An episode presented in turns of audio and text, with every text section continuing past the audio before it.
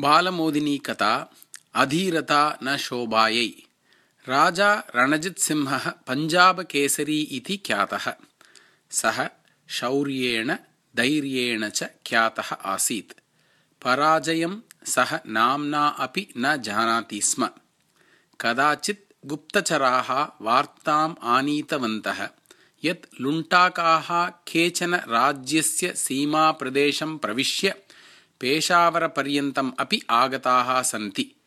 पेशावरनगरस्य लुण्ठनं कुर्वन्तः सन्ति इति।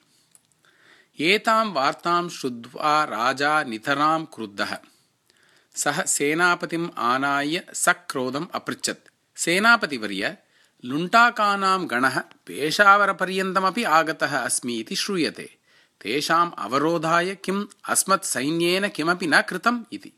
तदा सेनापतिः अवदत् पेशावरे पञ्चशतसैनिकाः आसन्।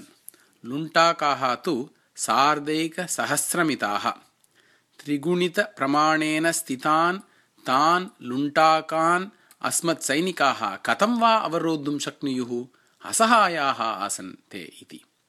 एतत् उत्तरं श्रुत्वा नितराम् असन्तुष्टः राजा प्रतिवचनं किमपि अनुक्त्वा झटिति अश्वम् आरुह्य पञ्चाशत् अधिकशतसैनिकैः सह पेशावरं प्राप्नोत्। शत्रुसंहारे उद्युक्तः अभवत् च। तस्य शौर्यं खड्गप्रहारकौशलं च दृष्ट्वा नितरां भीताः लुण्टाकाः अचिरात् एव ततः पलायितवन्तः।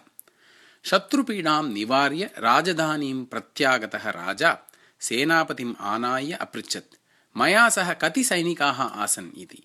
सेनापतिः शिरः अवनमय्य अवदत् सार्धैकशतं सैनिकाः आसन् महाराज इति। लुण्टाकाः कियन्तः आसन्? ते तु सार्धैकसहस्रसङ्ख्याकाः आसन्। लज्जामिश्रितेन स्वरेण अवदत् सेनापतिः। तथापि शत्रवः पलायनम् अकुर्वन्।